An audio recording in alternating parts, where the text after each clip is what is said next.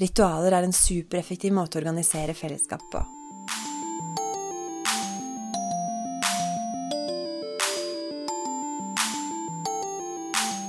Hei, og velkommen til Sykepleiens podkast. Liv Bjørnhaug Johansen, hun er sykepleier, og kvinnen bak Sykepleiens faste spalte Liv laga, som du her får høre i podkastversjon. Denne episoden har fått tittelen 'Masaier før løvejakta. Nå skal vi gå over til stille rapport, kommer det med jevne mellomrom fra ledelsen. Og det gjør vi. En uke, eller kanskje to. Men som trukket av en magnetisk kraft dras vi mot rapportbordet, og etter en tid er vi tilbake der vi var. Samlet over pasientlista rundt bordet på begynnelsen av vakta.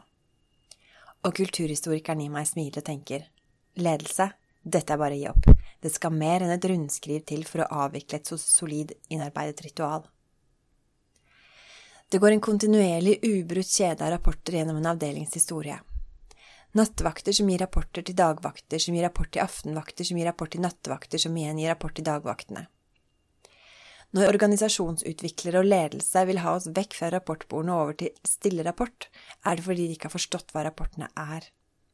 De tenker at alt vi sier skulle vi uansett ha dokumentert skriftlig, dermed er det dobbeltrapportering å sitte der og lese opp hvor mange brødskiver Olsen har spist og hvor høy puls Hansen har. Men det er bare en brøkdel av hva vi gjør. Som masaier før en løvevakt samler vi flokken og forbereder oss på en overgang. Én gir fra seg ansvar, andre tar imot. Vi ser hverandre, vurderer hva vi har i vente, deler bekymringer og usikkerhet, spiller inn faglige råd, erfaringer og betraktninger, fordeler roller og ansvar og klokker det hele inn på 15–20 minutter. Om det ikke er effektivitet som kan konkurrere med den raskeste arbeidslinja på Toyota-fabrikken, så vet ikke jeg. Ritualer er limet i sosialt liv, hevder kulturviterne. Mennesker har behov for å strukturere tiden, på å samordne seg før overganger, sikre at gruppa tenker likt om det de står foran, markere hvilke verdier som skal få betydning, sortere hverandres sosiale status, bearbeide det som ligger bak oss, og forberede oss på det som kommer. Det gjør vi ved å organisere ritualer. Noen store og omfattende som jul, stortingsvalg og bryllup. Andre små og hyppige som god nattstunden på sengekanten med barna, kaffen og avisa ved frokostbordet, og flyvertinnen som ønsker velkommen i døra. Ritualer er en supereffektiv måte å organisere fellesskap på.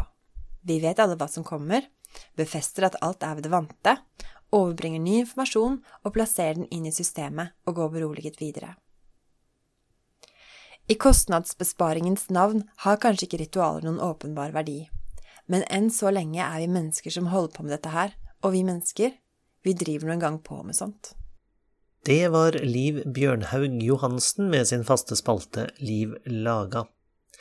Om du vil høre flere episoder av Sykepleiens podkast, så finner du alle sammen på sykepleien.no, på iTunes og på podbean.com. Om du bruker iTunes, så setter vi pris på en liten anmeldelse eller vurdering, og du kan også sende inn det du måtte ha av kommentarer og innspill til redaksjonen at sykepleien.no. Du når oss også via Sykepleiens Facebook-side eller vår Twitter-konto. Jeg heter Ingvald Bergsagel. Vi høres.